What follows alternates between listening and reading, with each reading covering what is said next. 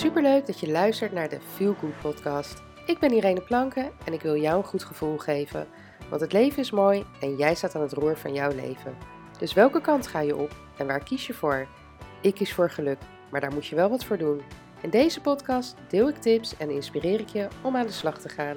Laten we beginnen. Hey, wat leuk dat je luistert naar deze podcast. Ik hoop dat ik een beetje te verstaan ben, want ik zit in mijn auto en ik heb mijn AirPods in. En ik heb dus geen idee hoe de, ja, hoe de kwaliteit is en of het een beetje goed te horen is. Nou kan ik natuurlijk tijdens het editen nog wel uh, wat uh, aan de kwaliteit verbeteren, maar ja, dat is natuurlijk ook niet... Uh, helemaal uh, als een professional. Want uh, ja, ik ben geen professional uh, editor. ik doe gewoon mijn best. maar in ieder geval, ik, ik heb net een andere podcast opgenomen. Dat is de podcast over ehm, waarom sommige mensen voor het geluk geboren zijn en andere mensen altijd pech lijken te hebben. zeker een aanrader, dus die zou ik zeker even gaan luisteren. Um, maar ik ben dus onderweg naar huis van boodschappen doen. En um, toen dacht ik van ja, weet je, laat ik, uh, laat ik gelijk nog een volgende podcast opnemen. Want ik ben toch geïnspireerd. En ik, heb nog genoeg waarover ik zou kunnen en willen vertellen. En um, omdat ik in de auto zit, want dat was dan waardoor ik geïnspireerd raakte, is dat, um, nou ja, ik weet niet of het jou af, uh, opgevallen is, maar als ik in de auto zit, uh, dan merk ik dat mensen vaak toch al opgefokt zijn. En ik zeg dan niet dat ik nooit scheld in de auto, want ik kan ook mopperen. Um, maar ik ben niet gehaast en ik ben dat wel geweest. In de periode dat ik nog in loondienst werkte en ik twee keer in de week, drie keer in de week zelfs, um, naar Amstelveen moest rijden. En um, ja, dan. Dat was in een periode dat ik vlak ja, dat ik tegen mijn burn-out in zat. Waarschijnlijk zat ik al redelijk diep in de burn-out. Um, en ik altijd een gehaast gevoel had. En uh, mezelf continu liep op te fokken. Uh, vooral in mijn hoofd. Uh, waardoor ik ook ehm, vaak gehaast en geïrriteerd in de auto zat. En opgefokt en noem maar op. En nu ik dit dus helemaal niet meer heb. Want ik heb zoiets van, nou ja, of ik moet zorgen dat ik gewoon op tijd de deur uit ga. Dat ik op tijd aankom waar ik ben. Met wat, wat speling. Dus ik probeer altijd wel eerder aan te komen. En, op een... en toen ver, verbrak ik ineens de verbinding met de dictafoon op mijn telefoon. Dus er viel een stukje weg. Uh, maar wat ik dus zei, of ik zorg dat ik gewoon op tijd vertrek. En dus daardoor wat speling heb en op tijd aankom. En als het dus toch niet lukt om op tijd te komen, ja, dan is dat zo. Want dan ben ik toch al te laat. En dat is natuurlijk heel vervelend, want ik vind het niet netjes. Je hoort gewoon op tijd te komen als je een afspraak hebt. Als je ergens heen moet of wat dan ook. Uh, maar op het moment dat dat niet zo is, ja, dan kan je wel heel gestrest in die auto gaan zitten. En opgefokt zijn. Maar je schiet er niks op, want je wordt er echt niet sneller door. uh, en ik vind het zo grappig om dan te zien als ik in de auto rij. Hoe opgefokt mensen zijn. Ik ben, ik ben namelijk ook iemand die in de auto, uh, op het moment dat ik zie dat er toch niemand dichtbij hè, achterop me zit. Um, ik laat voetgangers voor, ik laat fietsers voor. En dus misschien niet helemaal uh, zoals het hoort in de regels, maar dan denk ik, ja, weet je, uh, ik laat ze lekker voorgaan, uh, want het is best wel druk en een ander die stopt niet. ik doe dat natuurlijk wel altijd op een verantwoorde manier. En als ik zie dat het, dat het kan en dat ik kan stoppen en dat ik geen ongelukken veroorzaak. Um, maar hoe vaak zie je niet mensen en dan natuurlijk de mensen bij een zebrapad, die krijgen natuurlijk over het algemeen ook niet altijd, over het algemeen altijd wel voorrang. Um, maar steek ze ergens anders over, dan, ja, dan zijn er maar weinig uh, automobilisten die uh, voetgangers en fietsers voor laten gaan. Dus ik vind dat gewoon, denk, ja, als ik daar zou staan, had ik dat ook fijn gevonden. En ik denk dat dat ook de kern van het verhaal is. Dat um, hè, bijvoorbeeld mensen, dat als jij optrekt, dat ze voordat je de kans krijgt om op te trekken, omdat het licht op groen springt, dat ze al gaan toeteren. Of als jij um, aan het parkeren bent en uh, nou ben ik daar best wel goed in, dus ik hoef altijd maar één keer in te steken. Maar ja, stel dat diegene voor mij uh, ja, daar twee keer voor nodig heeft of drie keer. Um, ja, en dat gaat op zich redelijk in een tempo. Kijk, ik snap het wel als iemand een hele grote auto rijdt en ehm, ja, tig keer moet insteken, waardoor je gewoon heel lang staat te wachten. Uh, zelfs dan zou je het eigenlijk niet moeten doen. Maar ook ik heb dan nog wel eens de neiging om te zeggen: ja, misschien moet je een kleinere auto kopen. Dat zeg ik dan natuurlijk niet echt diegene, maar veilig in de auto dat diegene me niet hoort. Uh, maar het is niet zo dat ik, dat ik geïrriteerd of opgefokt of dat soort dingen raak.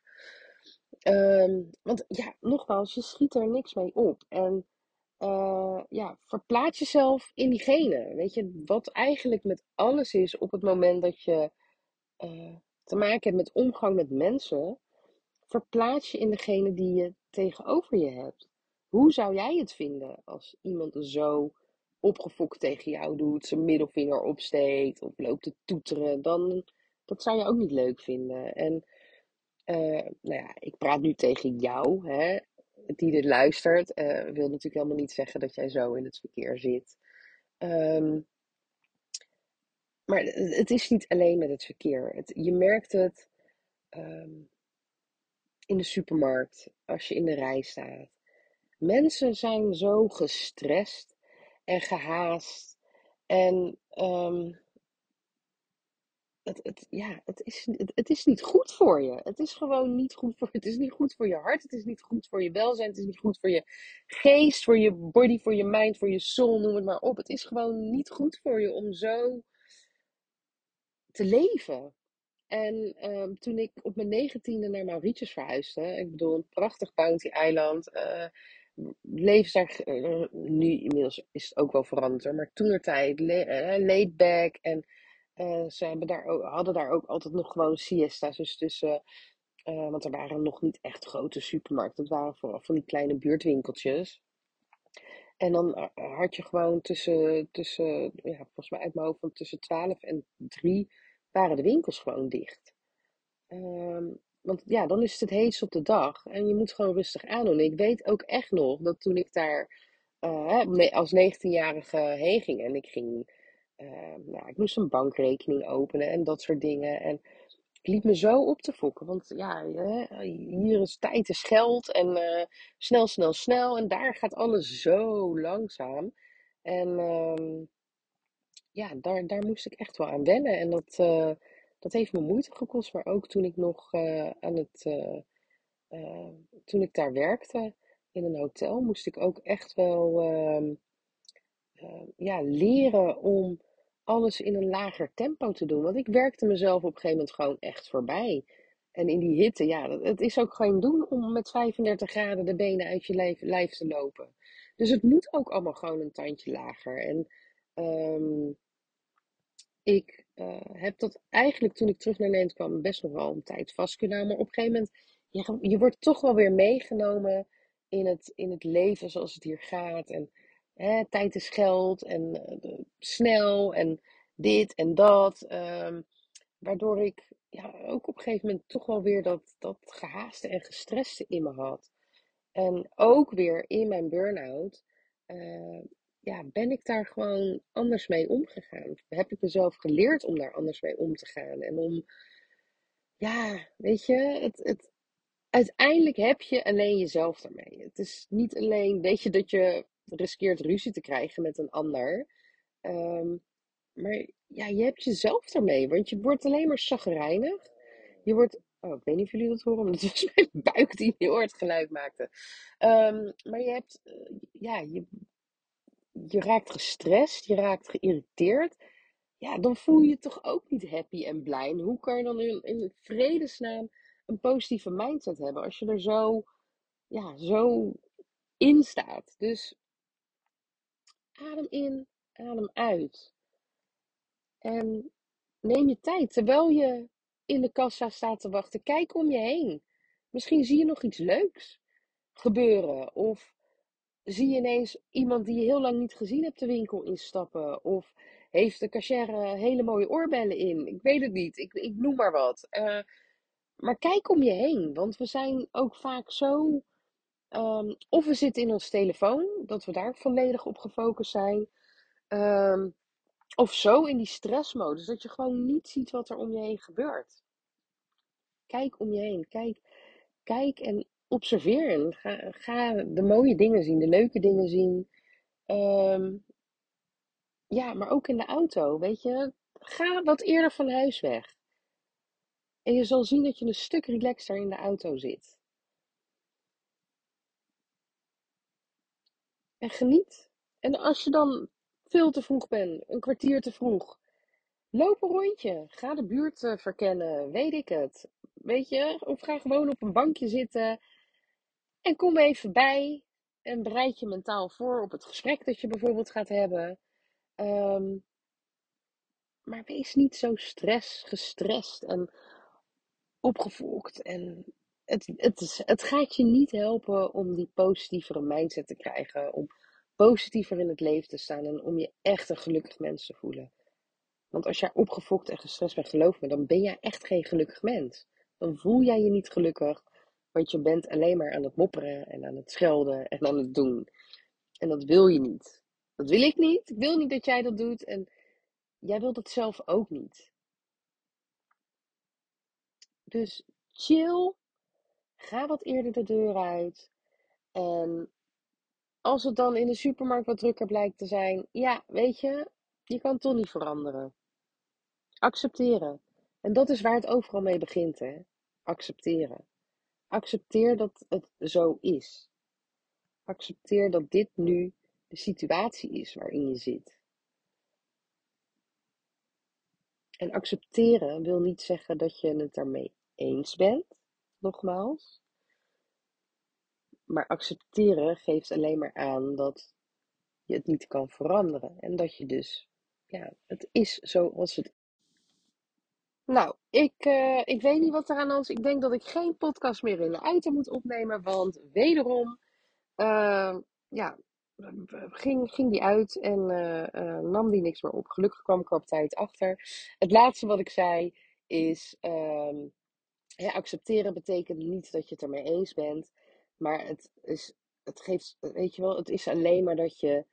Uh, het is zoals het is nu op dit moment en je kan er niks aan veranderen. En op het moment dat je dingen gaat accepteren zoals ze zijn, op dat moment is er geen ruimte voor irritatie, frustratie, boosheid en dat soort dingen. Ga het maar proberen. Ga eens oefenen met het accepteren van de situatie zoals die is. Je bent er niet blij mee dat er nu een hele lange rij staat en dat de cashier heel langzaam is. Maar je opfokken en je irriteren heeft geen zin. Zij gaat daar niet sneller van werken. Dus het enige wat je kan doen is accepteren dat de situatie op dit moment zo is. Adem in, adem uit. Laat die irritatie los. En kijk om je heen wat er gebeurt. Maak een praatje met degene achter je of voor je. Kijk wat er in het schap. Je hebt altijd zo'n schap bij de supermarkt waar chocola en kauwgom en dat soort dingen ligt. Nou ja, ga eens kijken wat erin ligt. Ik zeg maar wat. Maar ga je niet irriteren. Ga je niet opfokken. Hetzelfde is als je uh, hè, een, een krijzend kind hoort. Ik bedoel, niemand wil een krijzend kind horen. Maar als ik een krijzend kind hoor, dan denk je alleen maar, ach, ik ben blij dat mijn kinderen dat niet meer doen. Dat hebben ze eigenlijk ook nooit echt gedaan. Maar dat ze in ieder geval niet meer de leeftijd hebben om dit te doen.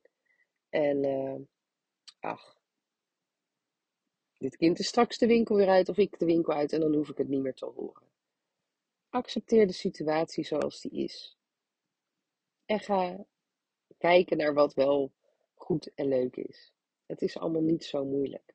Maar soms moet je er wel een beetje moeite voor doen. Maar goed, uh, om niet het risico te lopen dat deze uh, opname weer uitvalt, uh, zeg ik dankjewel voor het luisteren. En ik hoop dat ik je weer heb mogen inspireren en dat je iets uit deze podcast haalt. Iets waar je heel veel aan hebt, waar je iets mee kan. En als dat zo is, hoor ik dat natuurlijk graag. Dus stuur me zeker even een DM via Instagram het info, uh, nee, niet het info, het de Feel Good Coach. Um, want ik vind het altijd leuk om van, je, van, van, van mijn, mijn luisteraars te horen. en ik, ik reageer ook altijd direct. En ja, vind ik gewoon hartstikke leuk dat je de moeite neemt om het te doen.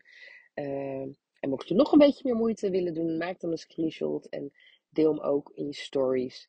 Ehm, en tag de Feel Good Coach. Want ehm, daarmee bereik ik nog meer uh, mensen en uh, zien nog meer mensen van hey, misschien is dat een leuke podcast om te luisteren. Misschien heb ik daar wat aan. Ik wil ook een positieve mindset. Ik wil ook uh, meer weten over hoe ik balans in mijn leven krijg. Hoe ik me beter kan voelen. Of hoe ik me gelukkiger kan voelen. Of wat dan ook.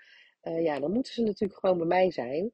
Maar ja, als ze niet weten dat ik besta, dan uh, kan jij me daar natuurlijk een handje bij helpen. Dus uh, ik wens je een, een hele fijne dag.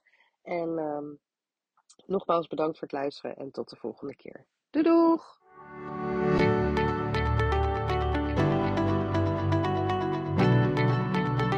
Dankjewel voor het luisteren naar de Feel Good podcast. En heb ik je kunnen inspireren? Maak een screenshot en tag me op Instagram stories, zodat nog meer mensen mijn podcast gaan luisteren.